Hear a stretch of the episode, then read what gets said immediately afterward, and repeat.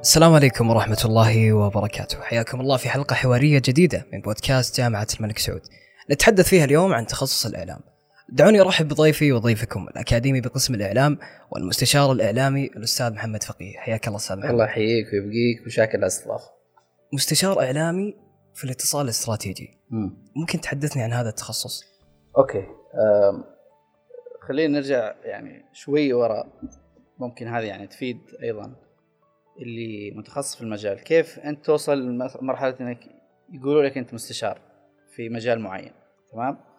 هذه معناته إنك اشتغلت كثير وصلت لمرحلة إنك تميزت في تخصص معين. بناء على التميز في التخصص الناس أصبحت تلجأ لك ك يعني زي ما نقول مرجع معرفي في هال- في هالمجال. فتخصص الاتصال الاستراتيجي بشكل عام يعني كل منظمة كل مؤسسة عندها أهداف اتصالية تبغى تحققها. طبعا هالأهداف دائما تكون مبنية على أهداف المؤسسة نفسها. فعلشان تحقق هالأهداف الاستراتيجية اللي في الواقع اتصاليا أنت تبغى توري الناس وش قاعد تسوي. تمام؟ فالاتصال الاستراتيجي هدفه في الأساس بشكل مبسط جدا إنك تنقل جهدك اللي أنت قاعد تنفذ على الواقع للجمهور اللي أنت قاعد تستهدفه. أو نسميهم ممكن أصحاب المصلحة. مين أصحاب المصلحة؟ أصحاب المصلحة هو أي شخص يأثر أو يتأثر بالشغل اللي أنت قاعد تسويه. باختصار. فالاتصال الاستراتيجي دوره يعني مهم جدا في أي جهة في أي منظمة في أي شركة. آه، قطاع حكومي قطاع خاص. وأعتقد السوق أيضا يطلب المتخصصين. وأعتقد في يعني الآن بعض الجامعات بعض الجهات وأعتقد جامعتنا أيضا فيها تركز على في مسار خاص مسمى اتصال استراتيجي كتخصص وفيلد يعني يدرس فيه الواحد في مجال الإعلام. آه، طبعا هذا بشكل عام وش ال وش ال- الاتصال الاستراتيجي. طبعا الاتصال الاستراتيجي يعتمد على آه، تخصصات كثير. يدخل فيه العلاقات العامة يدخل فيه آه، التنظيم يدخل فيه التخطيط الاستراتيجي يدخل فيه إدارة الفعاليات إدارة المنظمات اتصال مؤسسي. يعني هو زي ما تقول مظلة كبيرة تجمع تحته عدة عدة تخصصات. يعني أتوقع أنه في في قادم الأيام حيكون نشوف أنه في مسار مخصص يدرس في الأقسام وكليات الإعلام للاتصال الاستراتيجي بشكل مباشر. وهو يعتبر يعني تخصص حديث؟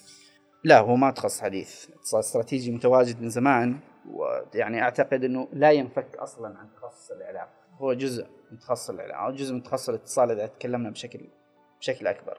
لأنه أي عملية اتصالية لابد أن تكون عملية إيش؟ استراتيجية في الأساس.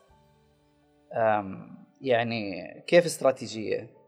وهذه أيضا من الأشياء اللي إحنا مثلا نتداخل فيها مع التخصصات الثانية. أنت لما تقول استراتيجية عادة إحنا اللي في السياسة يتكلموا عن الاستراتيجيات أو آه، ما يتعلق بالاستراتيجية. اللي في الإعلام يتكلم عن الاتصال الاستراتيجي في تخصصات كثيرة تتقاطع معنا في هال- في هالمسمى. وعادة حتى في الإدارة أيضا.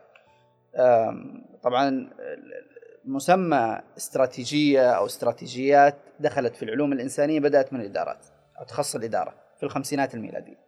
وبعدين بدأت تتوسع وتدخل للتخصصات الثانية. آه، الهدف من الاتصال الاستراتيجي إن- إنك يعني عادة ترمي لبعيد.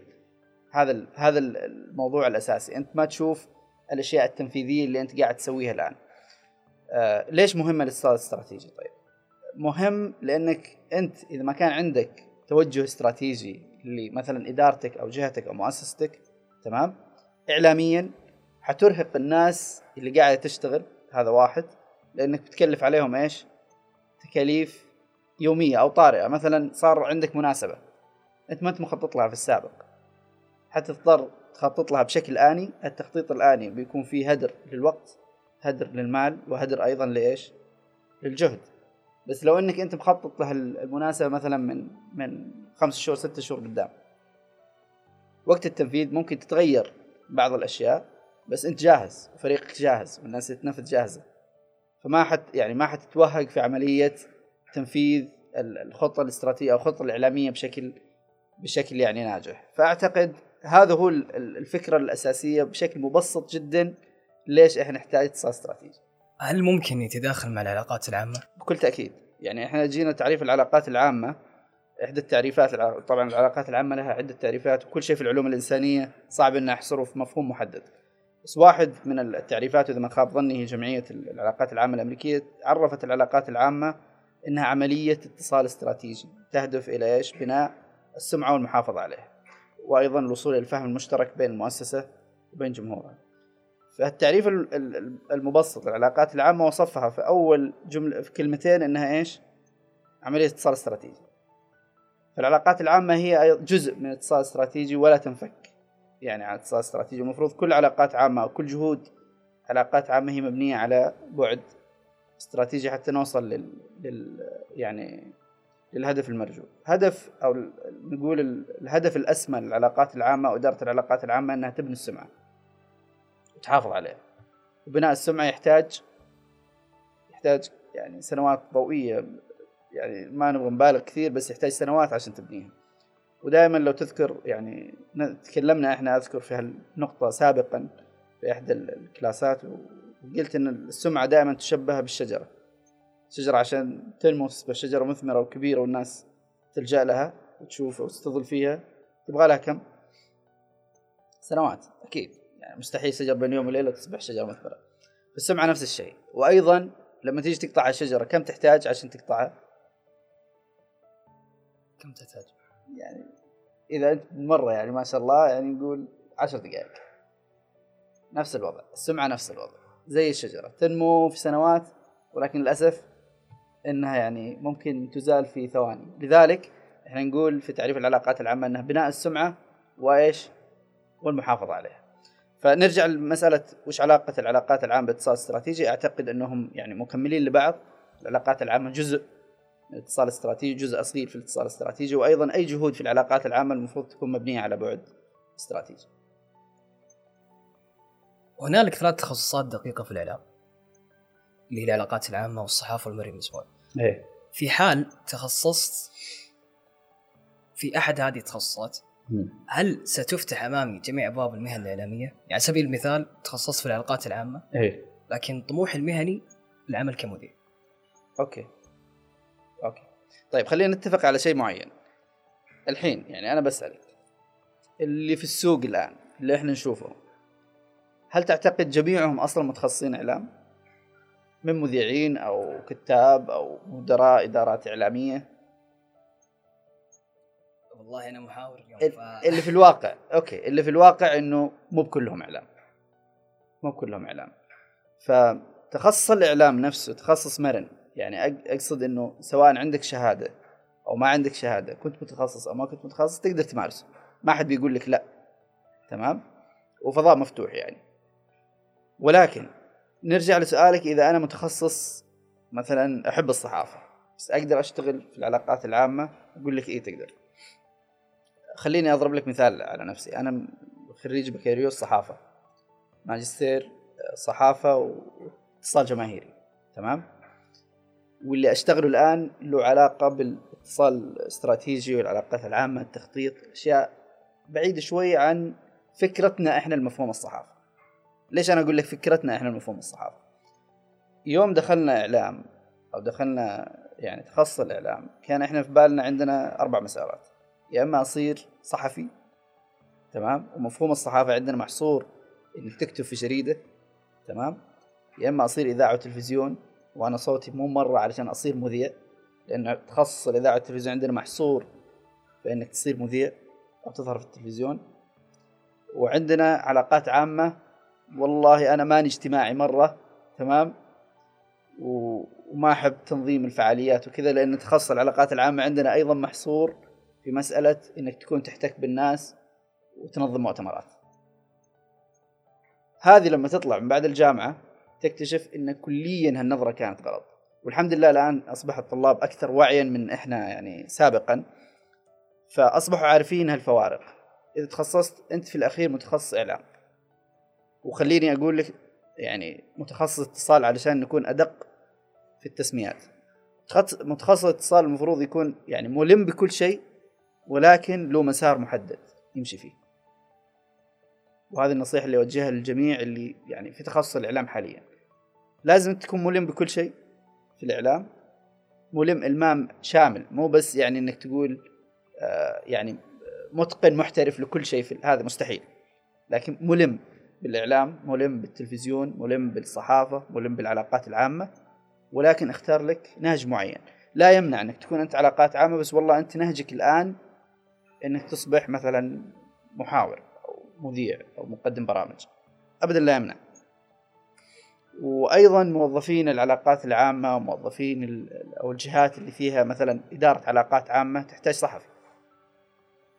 التلفزيون يحتاج كاتب. مو بس يحتاج واحد متخصص على التلفزيون لا يحتاج أيضا علاقات عامة. لأن التلفزيون له أيضا إيش؟ تواصل مع وسائل إعلامية تواصل مع ضيوف تواصل مع جهات. فهذه ما حيسويها اللي متخصص إذاعة التلفزيون. أنا أحتاج واحد متخصص إيش؟ علاقات عامة. فإحنا متدا هو تخصص واحد في الأخير. يعني وين اختلفت المسميات في الأخير؟ هو تخصص واحد. بس أرجع واكد إنه لازم تختار لك آه يعني مسار محدد تمشي فيه. يعني خليك معروف. إذا ذكر مثلا معاذ خلاص. معاذ والله ممتاز في كذا. لأنه ما حد بياخذك على إنك ممتاز في كل شيء. ابدا. ابدا. تكون في تخصص علاقات عامة لكن عملك في الصحافة. إيه. إيش الفرق بين هذه وبين إني أكون أساسا أنا متخصص في الصحافة؟ أوكي دائما اللي عنده المعلومة أنا أعتقد هو من يكون صاحب اليد العليا. أنت لو كنت صحفي اشتغلت في علاقات عامة حتكون يعني ملم وجيد لأنك ما أنت بعيد عن التخصص. لكن في أشياء زي ما تقول أدق في التخصص حتكون بعيدة عنك زي نظريات في العلاقات العامة آلية إدارة العلاقات العامة. يا إما إنك أنت تطور نفسك فيها وهذا يحتاج منك جهد ذاتي كبير يا إما إنك تكون جاهز. يعني أنا تخصص علاقات عامة وملم بكل شيء في العلاقات العامة وأشتغل في العلاقات العامة. أكيد أنت حتكون عندك زي ما تقول مميزات تفصلك عن اللي مثلا متخصص تسويق وقاعد يشتغل في إدارة علاقات عامة. ما أدري وضحت الفكرة أو لا. بس اللي أقصده إنه دائما اللي عنده التخصص ويمارس في نفس تخصصه عنده المعلومة ومع الوقت حيكون عنده المهارة والخبرة. فهو عنده نقطتين وزايد عن الشخص اللي عنده الخبرة والمهارة فقط بدون معلومة. كيف ممكن يختار طالب الإعلام التخصص الدقيق المناسب له؟ أوكي. آه هذا سؤال والله مرة جميل وممكن هذا يرجعنا أيضا لبعض النقاط اللي يعني يوم أنا كنت طالب. آه الآن يعني أصبحت أصبح الوعي أكبر وذكرت هالنقطة إنه الآن صار عندنا وعي أكثر والحمد لله الطلاب أنضج منا من أيام ما كنا إحنا طلاب. إحنا كنا طلاب بمعنى الكلمة. يعني واحد جاي يدرس ويرجع البيت يذاكر وبعدين آخر السنة بيحصل معدل وآخر أربع سنوات بيحصل شهادة. هذا تفكيرنا الدراسة الجامعية. الدراسة الجامعية مو بكذا ابدا. الدراسة الجامعية مو بكذا. وللاسف هذا الدرس ما استوعبناه إلا بعد ما تخرجنا بس أعتقد الجيل الآن مستوعبين هالشيء أكثر وفي نماذج كثيرة بدون ذكر أسماء فاهمين هالشيء كويس وأعتقد أستاذ معاذ أنت واحد منهم. فالطلاب الآن أصبحوا إيش؟ أصبحوا فاهمين إنه أنا إذا دخلت علاقات عامة وش بشتغل بعدين؟ فأنت تربط تخصصك بمسارك المهني من الآن هذا المفروض. يعني لا تقول والله أنا أحب أحب الصحافة زي مثلا أنا كان معياري إني والله أنا أعرف أكتب كويس بس القائيا أو كوميونيكيشن مو مرة كنت قوي مثلا أو أشوف نفسي ماني وجه تلفزيوني أو صوت إذاعي. فلا والله خليني في خليني في الشيء اللي أنا أحس نفسي مرتاح فيه اللي هي الكتابة. ولكن بعد ما تخرجت يعني اشتغلت فترة بسيطة جدا كصحفي صحفي. وبعدها اتجهت لمسارات أخرى واكتشفت إنه السوق كبير. سوق كبير جدا يعني وفي العرض في أكبر من الطلب يعني في تخصص الإعلام. فكيف تختار تخصصك أو تحدد تخصصك؟ حدد تخصصك بناء على مهاراتك الشخصية.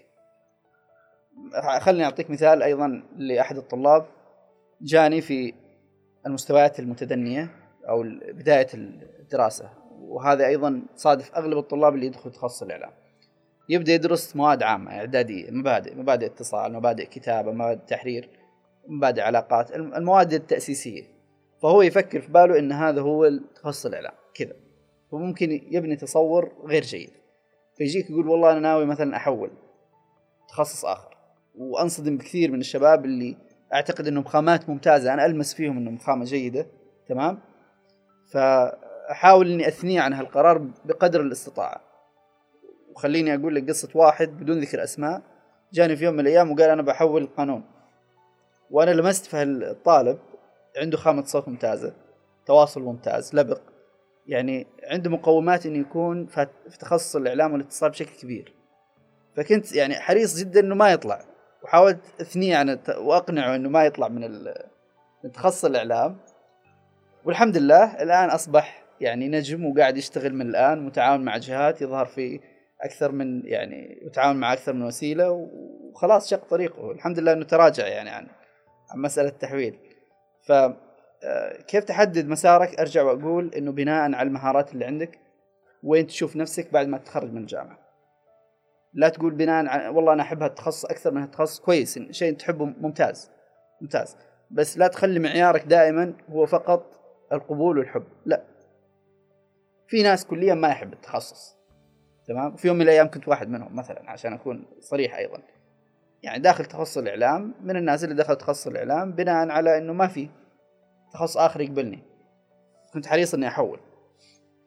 في المستوى الأول والثاني يعني كان هدفي إني أجيب معدل عالي جدا عشان أروح تخصص ثاني مو علشان أطلع في تخصص الإعلام.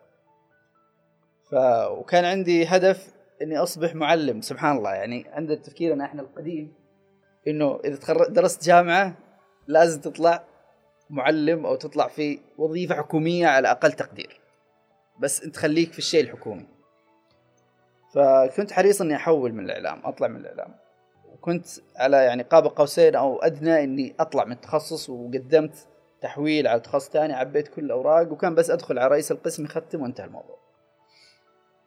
آه يعني في هاللحظة اتصل علي سبحان الله أخوي الكبير في قبل ما أدخل مكتب رئيس القسم. كنت أكلمه كذا قلت له أنا خلاص ناوي أبشرك أطلع من الإعلام. ليش ما ليش؟ قلت له والله حصلت تخصص آخر وأنا أصلا رغبتي إني ما أكمل في التخصص من الأساس. تمام؟ فقال لي كلمة وبعدها أنا بديت يعني أحاول إني أنقل هالتجربة لأي أحد يقول لي أنا أبغى أحول لأني أنا مريت بنفس الشيء. قال لي اعط تخصصك فرصة. اعطى الإعلام فرصة وبعدين شوف أنت الآن معدلك عالي ما شاء الله فلا تستعجل ممكن هالتخصص يصير بعدين مسارك المهني يعني اعطه فرصة. فهو ولد عندي الشك هذا إني أدخل وأحول أو إني أكمل في التخصص تمام؟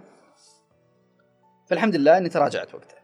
يعني الحمد لله إني اتخذت هالخطوة وتراجعت. بسبب هذا الاتصال. بسبب هالاتصال. تمام؟ وكملت في التخصص هذا اشتغلت وأنا في المستوى السادس ويعني أنا أشكر بعض الأساتذة اللي درسونا سهلوا لنا أشياء كثيرة في في في حياتنا.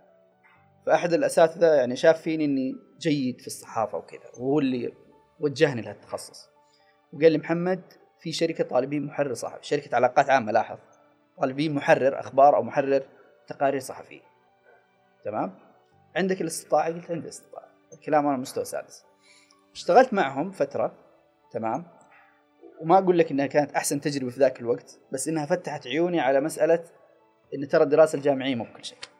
وحتى لو كنت ممتاز وفي الجامعة الكل يثني عليك ومعدلك أربعة فاصلة مدري كم مو معناه هذا مو مقياس إنك كويس في التخصص. إيه، نرجع لمسألة ال- دام إنه حيفتح المحور لاحقا ما ودنا نستبق نرجع لمسألة إنه آه، كيف أحدد أنا تخصصي؟ أعتقد ادرس السوق من الآن شوف الفرص الموجودة في السوق من الآن وين توجه السوق في تخصصات الاتصال والإعلام لا تبني على رغبات رغبات شخصيه مع معيار أو محور واحد من المعايير اللي أنت حتقيم فيها وش تدخل. مهاراتك الشخصية أنت. طبعا إحنا لما نقول مهاراتك الشخصية هي ال soft skills يعني في ناس أنا أشوف فيهم إنه متحدث ممتاز طبقة صوته ممتازة اسلوبه في ال communication ممتاز وهو يتكلم معك ناظر فيك. يعني هذا تتوسم فيه إنه وجه يظهر في التلفزيون أو يكون محاور أو يكون عنده قناة بودكاست أو ما إلى ذلك. في بعضهم لا ممتاز ما شاء الله تبارك الله في الكتابة. يعني هو ما يتكلم كثير بس لما تشوف كتابته يبهرك. يعني في بعض الطلاب يدرس عندك كل الترم ما تستوعب إنه طالب مميز إلا في الاختبار النهائي لما تقرأ ورقه الإجابة. تعرف إن هالطالب فلته لكنه ما كان يتكلم. فهذا ممكن توجهه لإنه يروح كاتب محتوى يروح صحفي يروح المجالات اللي قريبة من مهاراته. بس أرجع وأعيد. ادرس السوق شوف وين الفرص وبعدين اختار تخصصك والسوق أوسع بكثير من أربع تخصصات اللي إحنا عندنا أيضا. يعني لا تحط في بالك إنه إذاعة وتلفزيون صحافة علاقات عامة وخلاص. لا لا. السوق أوسع بكثير من ذلك. وفي تخصصات إلى الآن ما تدرس في الأقسام والجامعات مطلوبة في السوق. فأنت أدرس السوق وشوف وين تلقى نفسك.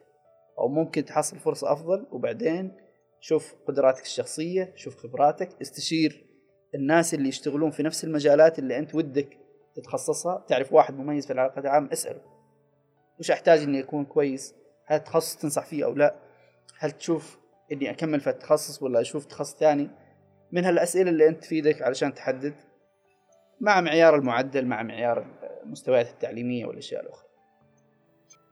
ما هي المهارات المفترض إنها تكون موجودة في طالب الإعلام؟ أوكي المهارات. مهارات سؤال مهم جدا. واعتقد يعني آه، هي المفروض الواحد يبني عليها يعني آه، جهده الأكبر. الشهادة الأكاديمية ممتازة ومهمة جدا لك تمام؟ بس في أشياء الشهادة الأكاديمية ما توفرها لك. يعني شوف الجامعة مو بدورها إنها تدربك. الجامعة في الأساس مو بدورها إنها تخليك تطلع من الجامعة تروح أي مكان تشتغل كأنك لك مدري كم سنة تشتغل في المجال. لا الجامعة تعطيك معلومة تعطيك معارف تأسسك بس إنها في الأخير مو بكل شيء. خلينا نتكلم عن المهارات. عندنا نوعين من المهارات. لازم لازم الطالب مو بس طالب الإعلام أي طالب في الجامعة لازم يكون عنده نوعين من المهارات. مهارات يسمونها مهارات soft skills مهارات ناعمة مهارات صلبة تمام؟ hard skills المهارات الناعمة هي المهارات اللي أنت موجودة في شخصيتك من الأساس. ما تعبت علشان تكون عندك. يسمونها مهارات ناعمه مهارات الصلبة هي المهارات اللي أنت تتعب تبذل جهد عشان تكون عندك. يعني هي الأشياء اللي أنت تدرسها بالعربي. زي إنك تكون تخصص طب جراح أو تخصص كاتب أو تخصص إعلام أو تخصص علاقات عامة. هذه مهارات صلبة. لازم تدرسها ولازم تأخذ عليها شهادة علشان تطلع. فوش المهارات اللي المفروض طالب الإعلام يكون يعني ملم فيها؟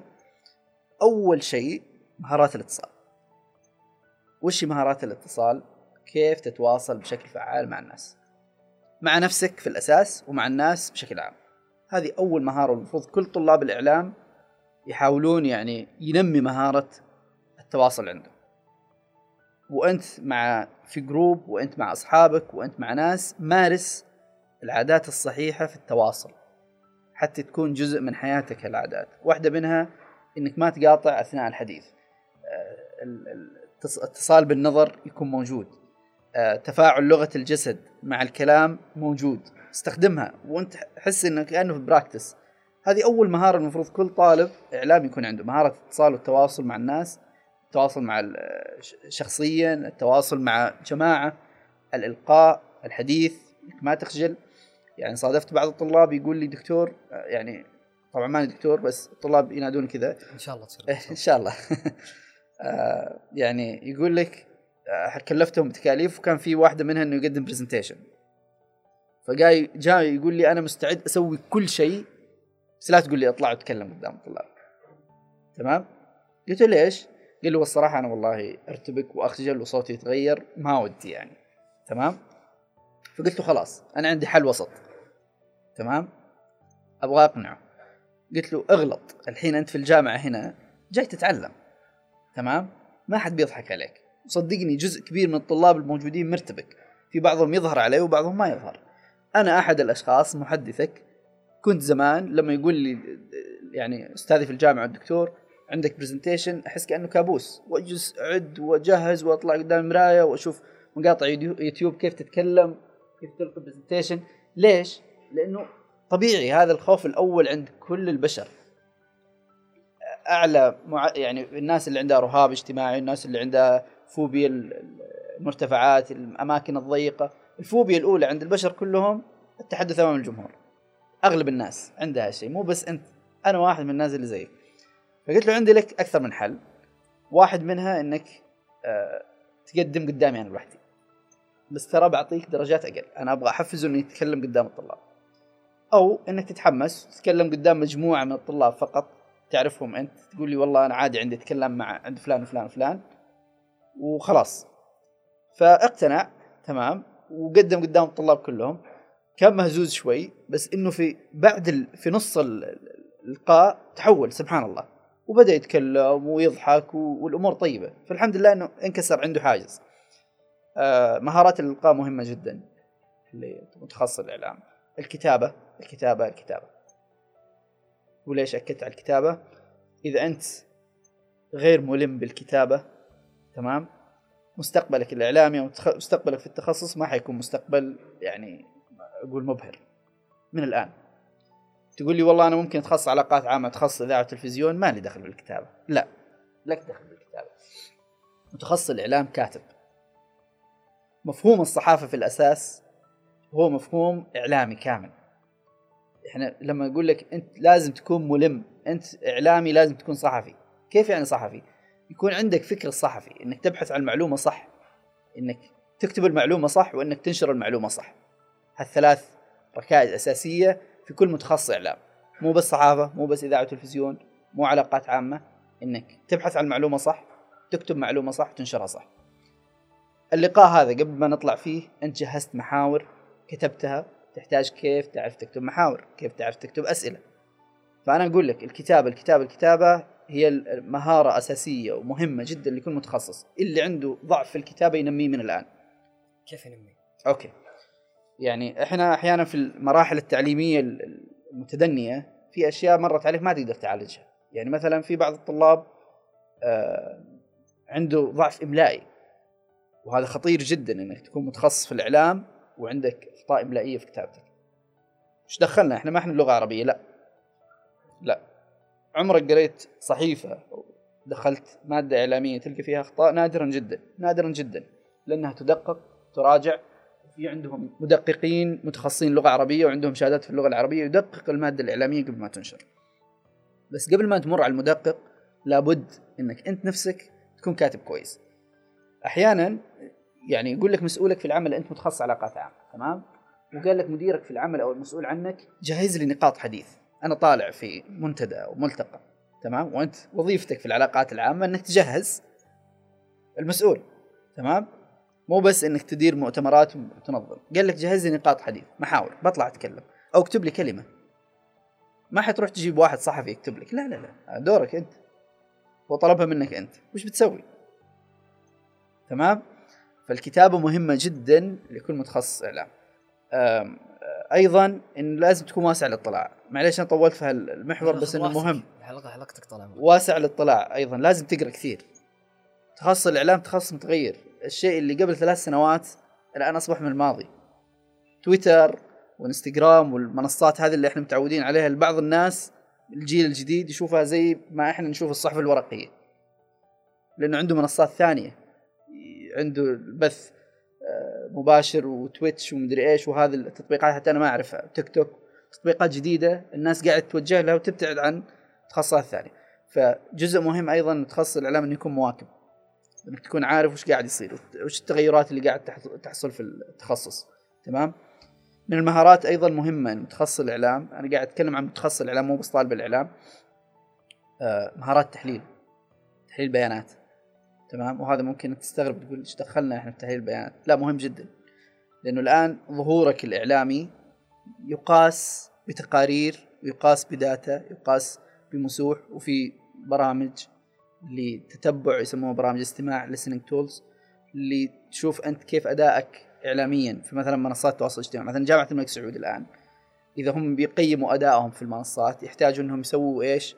مسح للمنصات من خلال أدوات معينة أو تطبيقات أو برامج تعطيك المشاركات تعطيك عدد الناس اللي يتابعونك تعطيك إحصائيات بالنبرة كيف الناس تجاههم تجاه حسابك هل إيجابي سلبي محايد. يعطيك معلومات كثير. هالأشياء أيضا المفروض إنك تكون أنت قادر على إنك تحلل قادر على إنك تعرف هل المعلومة هذه أو الداتا هذه وصلتني مبنية بشكل سليم أو لا لانها هالأدوات أيضا تحتاج بناء وتحتاج كلمات مفتاحية وتخصص أيضا كبير جدا. ترى هذا ما يدرس في الجامعة تحليل مع إنه أعتقد إنه أصبح ضرورة إنه يكون جزء من يعني أقسام الإعلام إنه يكون فيه يعني آه، زي ما نقول مواكبة للي في السوق. مطلب مهم جدا. فهذا أيضا من المهارات المفروض على طالب الإعلام. آه، تقريبا هذه المهارات اللي أنا ممكن أفكر فيها بشكل عام مع المهارات اللي تتطلب في كل تخصص. يعني الصحافة لازم تكون ملم بالفنون الصحفية. العلاقات العامة عندك أساسيات العلاقات نظريات العلاقات إذاعة التلفزيون تكون ملم بالإخراج الإنتاج. إعداد المادة التلفزيونية إعداد المادة الإذاعية وهكذا يعني. المهارات هذه هل ممكن أكتسبها في حال ما كانت متوفرة؟ هي أكيد. متوفرة عندي أكيد أكيد. كل شيء كل شيء تقدر تكتسبه. يعني إحنا البشر الحمد لله نحن مخلوقات قابلة للتعلم. فمن يوم إنك صغير أنت قاعد تتعلم كيف تمشي تتعلم كيف تتكلم تتعلم كيف تكتب والحمد لله إن عندنا القدرة على إن إحنا نستوعب هالمعارف. فكيف يعني المهارات اللي أنا ناقصة عندي كيف أنميها؟ أقول لك يعني باختصار ادخل دورات. دورات الآن يعني كورونا خدمتنا يعني مع سبحان الله في كل أزمة يقول فرصة. فكورونا أعطتنا خدمة جليلة جدا إنه جزء كبير من الدورات اللي كانت تقطع يعني مسافات طويلة عشان تأخذها. ممكن حتى تسافر برا السعودية عشان تأخذها. أصبحت أغلبها إيش؟ أونلاين. متاحة. فالآن ما في عذر إنك ما... أنا الآن قاعد آخذ دورة. يعني في هالفترة مع إني مضغوط وكذا بس لازم تكون إيش؟ متجدد لازم تكون مواكب لازم تنمي نفسك في الأشياء اللي أنت مالك فيها يعني زي ما تقول آه، معرفة سابقة أو معرفتك محدودة فيها. وحتى الأشياء اللي أنت معرفتك كبيرة فيها لازم أيضا دائما تواكب وتطور نفسك تستفيد من الناس. يعني ما حد بيقول لك والله أنا خلاص درست إعلام وعندي شهادة وبكتفي لا لا. غلط هل الجهات الغير أكاديمية. تهتم بالمعدل؟ أم المهارات؟ أيهما أكثر؟ أوكي هذا سؤال مرة ممتاز. كويس إنك طرحته. يعني الحمد لله من يعني الأشياء اللي ربي فضل فيها علي إني تخرجت الأول على الدفعه ما شاء الله. تمام؟ سواء في البكالوريوس أو الماجستير.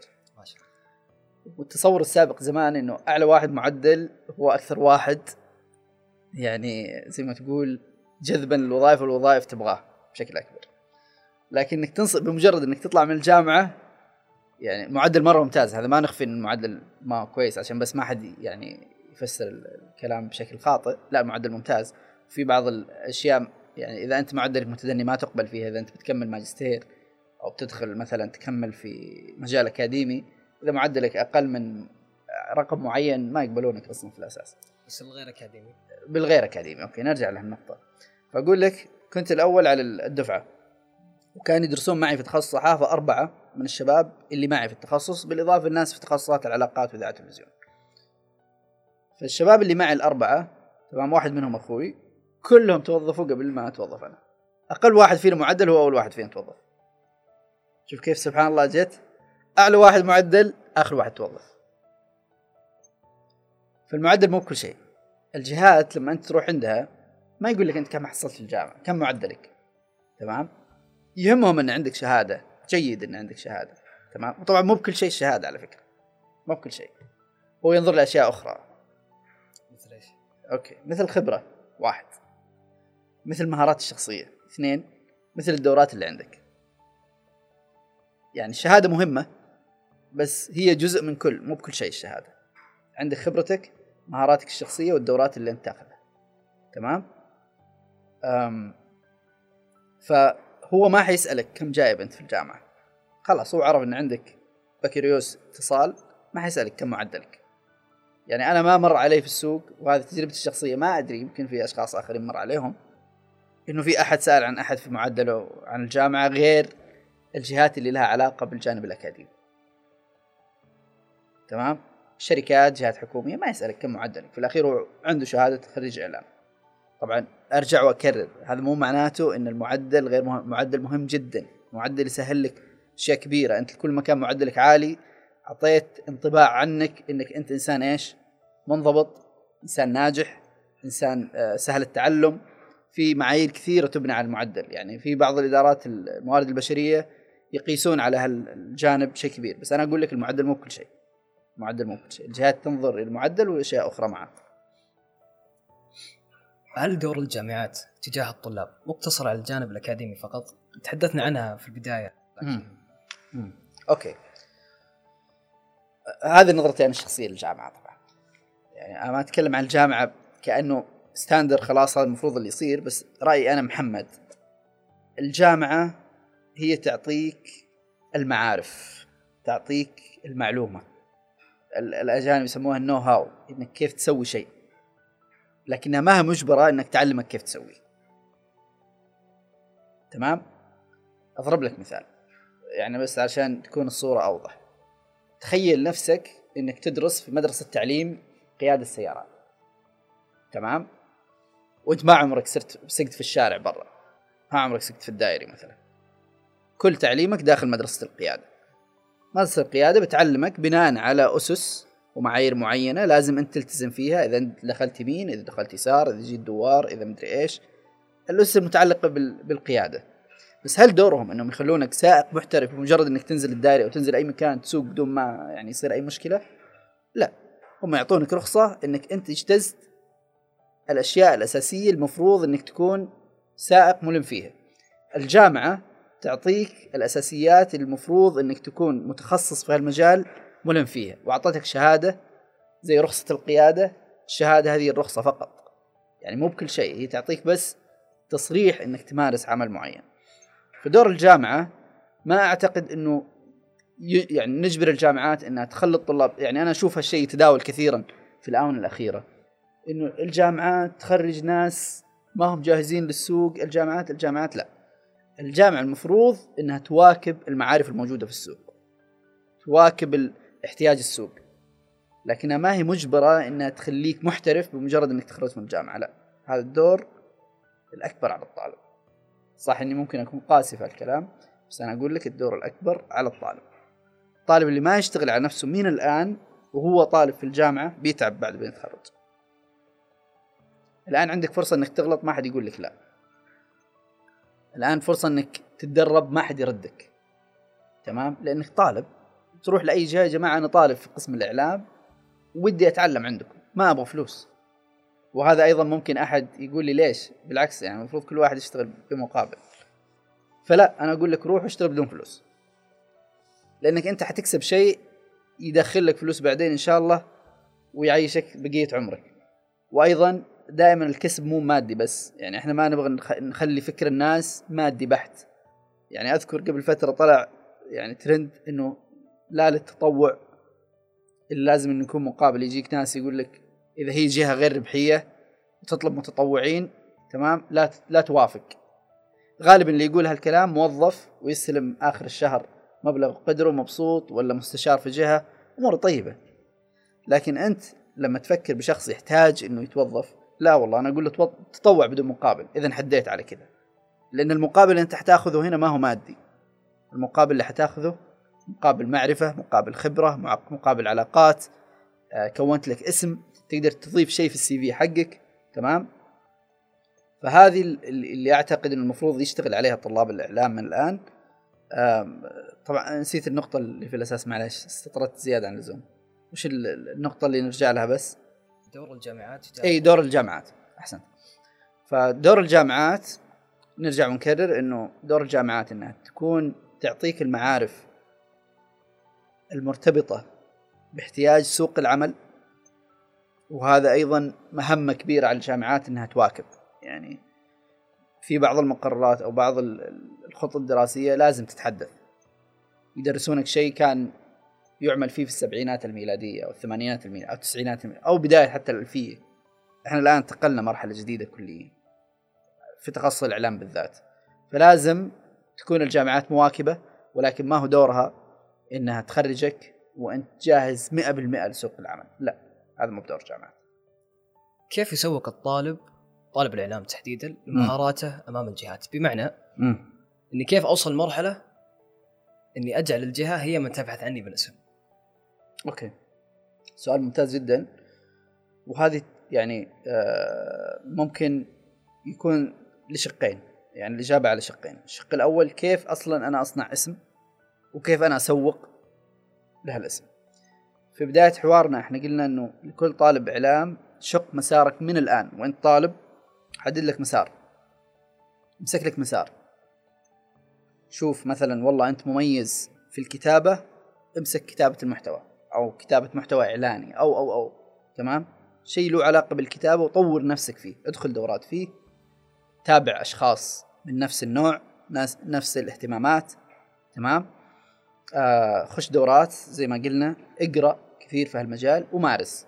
روح لجهات معينة معروف إنها جيدة في هالمجال مثلا شركة سين في العلاقات الإعلامية أو شركة إعلانية وقول لهم أنا بكون عندكم كاتب محتوى متطوع بدون مقابل بشتغل معكم بس أبغى أشوف كيف تشتغلون. ما حد بيردك. دائما الناس يخافون من الش- الشخص اللي جاي يبغى فلوس. وأعرف كثيرين بدأوا زي كذا كمتدرب متعاون تمام؟ وانت به المطاف في إيش؟ موظف. عندهم في نفس الجهة أو نفس المؤسسة. كثير نماذج زي هذه تمام؟ فلا تتردد. أعتقد إنه هذه ال- ال- الخطوة ال- ال- الأفضل لأي واحد يعني المفروض إنه يشتغل على نفسه. الجانب الثاني تسويق تسويق. أي عمل أنت تخلصه أو تنجزه بشكل ممتاز وثق. تمام؟ مثلا والله أنت دخلت في آه، شاركت في تنظيم مؤتمر. معين. وثق وجودك أنت في هالمؤتمر. صور وأنت في التنظيم وبعد النهاية اكتب أو انشر تشرفت إني كنت جزء من نجاح هذا العمل ومن هالكلام. تمام؟ هذا أشوف كثير يعني قاعدين يتبعون هالنهج وهذا نهج جيد إنك تسوق لنفسك افتح صفحات في التطبيقات أو المواقع اللي تستهدف التوظيف. الحين اللي يبحثوا عن وظائف أو اللي يستقطبوا موظفين يروحون لينكد ان بشكل كبير أكثر من تويتر. وهذا أيضا يرجع لنقطة مهمة اهتم بحساباتك في ال social media. في بعضهم يعني حساب ال social media يعامله بشكل شخصي بحت. يقول فيه كلام مو كويس أحيانا يدخل نصر هلال يدخل في أمور يعني مرة شعبوية ما توضح للجهة إن هذا ممكن أنا أوظفه عندي في يوم من الأيام. لأنه قبل ما تتوظف في أي مكان تراهم يسوون check كامل عنك. يرجعون لحساباتك يشوفون تويتر يشوفون إنستغرام يشوفون أنت كيف تلبس كيف محلك. الحركات اللي تسويها كل هذا محسوبة عليك. بعضهم ما ينتبه لهالشيء. أنت خلاص أنت عامل نفسك على أنك منتج كامل. لا تفصل حياتك ال... يعني الشخصية عن حياتك العملية. الآن صار في تداخل كبير بسبب وجود السوشيال ميديا. فكيف تسوق لنفسك؟ إنك دائما اظهر بالشيء اللي ودك الناس يعرفونه عنك. في كل حساباتك عندك نمط محدد. أنا مثلا آه، كاتب محتوى خلاص. أدخل في حسابك ألقاك تغرد عن أشياء فيها كتابة محتوى تكتب محتوى تنزل مقالات أدخل صفحتك لينكد ان ألقى معلومات تدل على أنك كاتب محتوى محترف ولك تجارب مع جهات معينة. خلاص أنا أكون عنك الصورة. مع ال- مع الوقت بتصير أنت زي ما نقول أيقونة في تخصص معين. خلاص. معاذ والله معاذ أنا أعرف إنه محاور ممتاز. خلاص عرف عنك هالشيء. وأنت أيضا تبني على هال على هالصورة أشياء أخرى. عامل نفسك كأنك منتج. بالضبط يعني. عندما كان الأكاديمي محمد إيه. طالب في قسم الإعلام إيش الموقف اللي مستحيل تنساه؟ أوكي. والله في مواقف كثيرة واحد منها يعني اختيار التخصص وهذا ذكرتها في بداية ال- النقاش. بس في موقف ما أنساه ابدا كطالب تمام؟ وهذه دائما يعني آه الله يذكره بالخير أول ما يعني يخطر على بالي ممكن هو ما يعرفني الآن أو احتكاكنا ببعض يعني آه محدود جدا. بس إني لازم أقول اسمه يعني. الشخص كل ما يعني تذكرت هالموقف لازم أقول اسمه. الدكتور خالد الحلوة. يعني. نعم. فصار لي موقف في إحدى ال- ال- الاختبارات النهائية مستوى أول ومستوى ثاني. تمام؟ وأنا زي ما قلت لك كان عندي طموح إني أجيب معدل عالي جدا علشان تحول. أحول. فهذا الحلم وهذا الهدف اللي عندي. زمان كان ما في وسائل تقنية كثير وما في يعني جداول تدخل على الموقع وتشيك كذا. عشان تنزل جدول لازم تروح القسم وتصور الجدول اللي على يعلقونه ورقي ويعدل كذا مرة حتى يعني يصير في جدول ناضج. واحد من المقررات والله الناس وش المقرر بس أعتقد إنه رأي عام سجلت الجدول غلط. يعني الاختبار عشرة ونص سجلت 12 ونص. هو الاختبار ينتهي 12 يعني 10 ونص ينتهي 12 ونص. ما في اختبار في الجامعة 12 ونص أصلا. بس تعرف مستوى أول ثاني ما تكون عندك هال فحطيت 12 ونص. موعد الاختبار. تمام؟ بعد نهاية هذا مستعد ومذاكر وأموري طيبة. أجي الجامعة وأنا داخل تحصل المذكرات مرمية في الأسياب وكذا. يعني أشوف إنه في الراي العام في الأرض كثير يعني استغربت. فقاعد اجمعها واحطها على جنب. وقابلت واحد من الطلاب اللي كان يدرس معي. السلام عليكم السلام. كذا. جاهز اختبار؟ قال لي أي اختبار؟ اختبار الراي العام الحين قال لا والله اختبرنا يا محمد. أنت عند مين؟ دكتور خالد؟ قلت عند دكتور خالد. يلا اختبرنا. يا رجل؟ قال لي والله اختبرنا. إنا وقتها انصدمت ما أدري وش أسوي يعني تمام؟ رحت للقسم. وكنت بدخل على رئيس القسم وأقول له ترى أنا فاتن الاختبار وكذا. صادفت أحد الأساتذة والدكاترة وقتها قال لي لا ما أنصحك تدخل على رئيس القسم. عندك عذر؟ قلت لا والله أنا سجلت جدول غلط يعني ما عندي عذر يعني. قال لا أنصحك روح شوف لك عذر. وش أروح المستشفى يعني مثلا أقول له إني مريض وكذا. تمام؟ صعب صعب تكذب يعني. فزي ما تقول قفلت الدنيا. أخوي قبل بيومين أو ثلاثة فات اختبار بنفس الحركة حقي. تمام؟ ودخل على رئيس القسم وقال له ما في. خلاص حملت الماده وكلم أستاذه أيضا وقال له ما عندي يعني ما عندي حل يعني أنت تخلفت عن الاختبار. فكنت خايف إني أروح وأكلم أستاذ المادة وأقول له أصارحه إنه أنا فاتن الاختبار. يعني بدون عذر حقيقي يعني غباء مني يعني إني سجلت الجدول غلط. فرحت للاستاذ كان عنده اختبار في قاعة أخرى. انتظرته إلين خلص. طلع الدكتور سلمت عليه. كذا وكان وجهي واضح إني يعني متأثر. قال لي سلامات يا ابني إيش فيك؟ قلت له والله دكتور السالفة كذا كذا. قال لي طيب آه تقدر تجيني الساعة ثلاثة؟ عندي اختبار في قاعة كذا. أنا أبغاه يوبخني أبغاه يقول لي ليش؟ أبغاه يعني أبغاه يحسسني إن أنا سويت شيء غلط تمام؟ بهذه البساطة قال لك. بكل بساطة. ولا. تجيني بكرة. ودك تجيني بكرة. أشوفك يعني تعبان وكذا ومرهق. تمام؟ لا دكتور أختبر اليوم. يعني أنا ما صدقت على الله وهو يقول لي هالكلمة. قال لي خلاص تمام. في القاعة كذا أنا موجود. قرر آخر أختبرك. بكل بساطة. تمام؟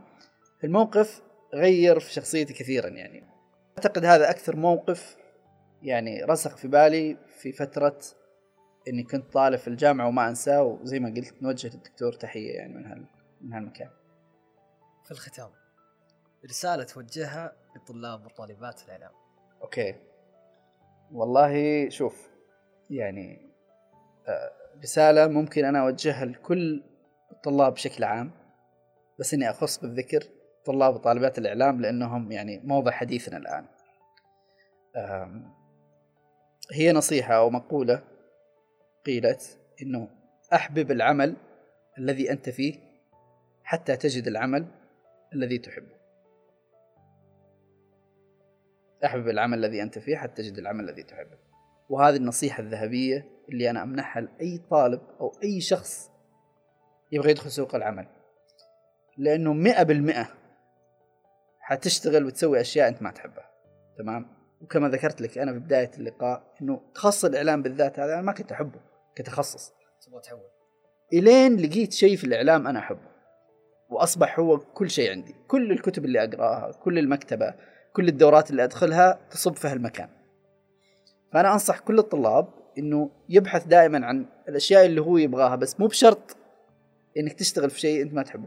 بتلقى في يوم من الأيام شغفك وقدرتك في مكان. فدائما في مقولة تقول أتبع شغفك أتبع شغفك. أنا ضدها شوي هالمقولة ليش؟ لأنه في أحيانا أشياء أنت أصلا ما هي في بالك بس لما تمارسها وتعرفها تكتشف إنها كل شيء في الحياة. فهذه هذه يعني النصيحة وأتمنى إنه يعني كان لقاء يعني مثري وأشكر لك يعني اختيارك لي في هال في هالجلسة الماتعة اللي نتمنى إنه يعني طلعنا فيها بشيء يعني مفيد. إن شاء الله بإذن الله. شكرا جزيلا لك أستاذ محمد شرفتني وسعدتني جدا بإنك تكون أول ضيف حافره يشرفني والله مرة شرفني جدا وأنا سعيد والله بالتواجد معك شخصيا يعني كمعاذ وأيضا سعيد بالتواجد مع أي أحد من طلابنا وطالباتنا قسم الإعلام. ولا أنسى أن أشكر عمادة شؤون الطلاب على استضافتهم لنا اليوم. هذا أنا معاذ الجابر أودعكم وألتقيكم في حلقات قادمة. وكما قال ضيفي الأستاذ محمد أحبب العمل الذي أنت فيه حتى تجد العمل الذي تحبه. في أمان الله.